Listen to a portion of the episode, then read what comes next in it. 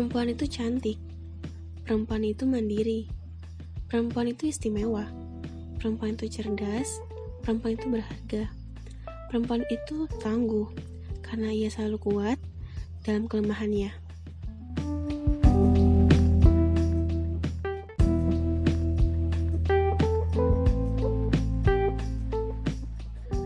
Assalamualaikum warahmatullahi wabarakatuh. Halo teman-teman Kak nih, apa kabar? Semoga dalam keadaan baik, apa pun keadaannya ya. Selalu diberikan kesehatan, kemudahan, dan selalu dalam lindungannya. Oh iya, di episode kedua ini Kak Ni mau ngajakin teman-teman buat ngegibah nih. Tentunya ngegibah yang bermanfaat. Kak Ni mau ngomongin soal perempuan yang sangat mempunyai peran besar dalam pergerakan wanita di Indonesia. Siapa lagi kalau bukan R.A. Kartini? Siapa sih yang gak kenal dengan Raden Ajeng Kartini?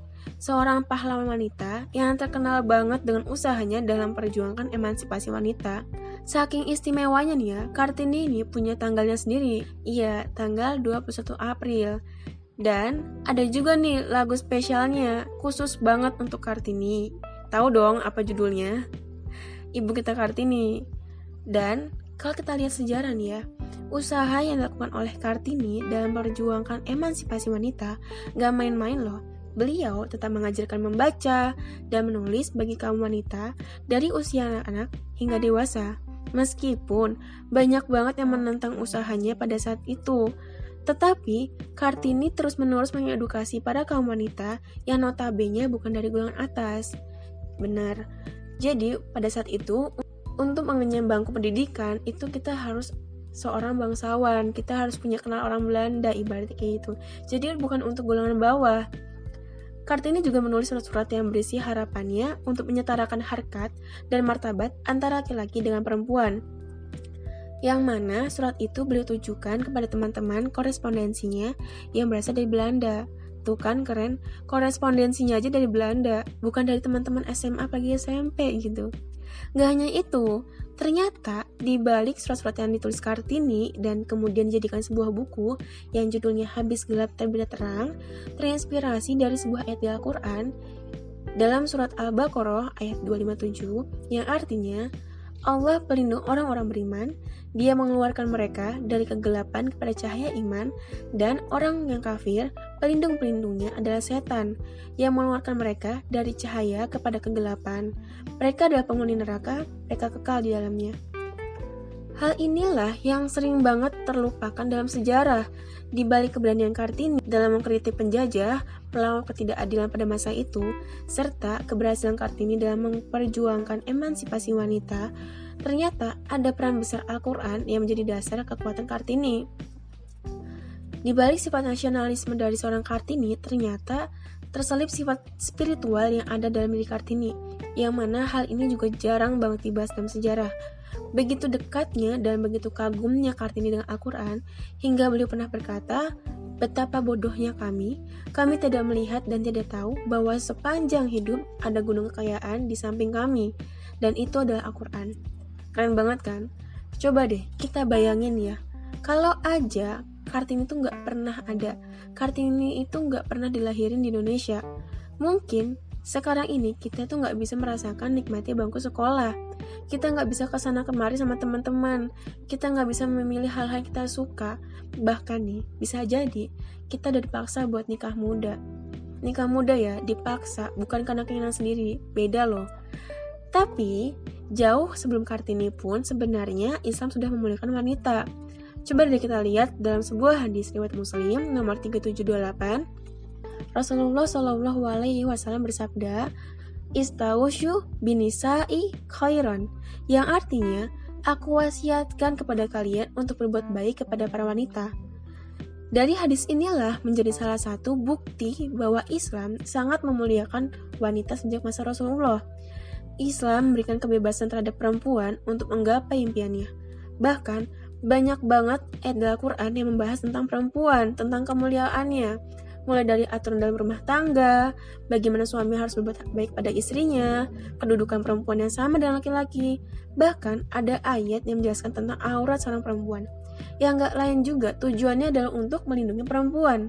Begitu jelasnya loh, Islam itu sangat memuliakan derajat perempuan, sangat mencintai perempuan. Dan kalau kita lihat nih, di zaman dahulu pun ternyata banyak juga tokoh perempuan Islam yang mirip banget perjuangannya dengan Kartini. Seperti Aisyah radhiyallahu anhu, istrinya Rasulullah, yang mana sangat peduli, care banget sama pendidikan. Saking care-nya nih ya, saking pedulinya. Perjuangan dalam pendidikan itu sangat luar biasa teman-teman.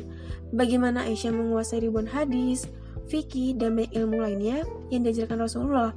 Gak hanya itu aja, ternyata ada loh seorang pendidik universitas pertama di dunia di Baghdad ada seorang perempuan, yaitu Fatimah Al-Fikri. Ada juga Siti Khadijah.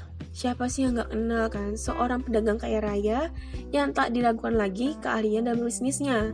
Dan masih banyak lagi para tokoh-tokoh perempuan yang luar biasa yang mana mereka menjadikan Al-Quran sebagai landasan dalam segala hal. Jadi, dari berbagai kisah para tokoh perempuan di atas yang banyak memberikan motivasi dan hikmah besar yang patut kita syukuri teman-teman. Karena di zaman sekarang nih, yang udah modern, udah serba mudah, bahkan teknologi udah canggih, udah maju, bahkan handphone pun sudah berkembang gitu. Kesetaraan hak antara laki-laki dan perempuan pun sudah ada. Bahkan sekarang perempuan bebas memilih jalan hidupnya sesuai mereka inginkan. Gak perlu takut lagi buat menyuarakan pendapatnya. Bahkan, perempuan bebas untuk speak up dan show up di depan umum. Dan masih banyak hal lagi. Untuk itu, jangan sampai nih ya, apa yang telah diperjuangkan oleh Kartini, juga para tokoh-tokoh perempuan lainnya, kita sia-siain gitu aja. Bahkan kita berpikir, alah nggak usah deh, ngapain, kita berjuangkan, kita diperjuangin gitu. Sakit nggak sih kalau kita udah diperjuangin terus malah diem-diem aja? Sakit kan? Nah jadi kita nih para anak muda terutama perempuan harus bisa mengambil andil yang besar bagi bangsa kita Indonesia. Biar apa? Biar nggak jadi bangsa terbelakang yuk teman-teman kita sama-sama raih impian kita dengan tetap mengedepankan kebenaran dan menjadikan Al-Quran sebagai landasan kita dalam langkah maju ke depan. Jadi ya teman-teman, kita itu harus punya prinsip dulu prinsip seperti apa? Yaitu prinsip yang telah diajarkan di dalam Al-Quran dan hadis. Jadi, sebelum kita melakukan sesuatu atau mengerjakan hal-hal, baik itu hal besar ataupun hal kecil, pastiin dulu nih, pedoman kita tuh Al-Quran. Landasannya kita, berdirinya kita sekarang itu adalah Al-Quran dan hadis. Karena apa? Kalau kita udah melibatkan segala hal urusan kita dengan Al-Quran, karena Allah, insya Allah semua itu berkah. Tergantung bagaimana kita mengolah dan memperoleh. Jadi, Jangan pernah tinggalin Al-Quran, jangan lupakan Allah juga, karena kalau kita ingat Allah, maka Allah akan ingat kita. Mungkin itu aja dari Kak Nin. Terima kasih telah mendengarkan episode kedua ini. Semoga bermanfaat. Kalau misalkan Kak Nin ada kata-kata yang salah atau dalam penggunaan kata kurang benar, Kak Nin mohon maaf. Salam simetris, arsitek kebaikan. Wassalamualaikum warahmatullahi wabarakatuh.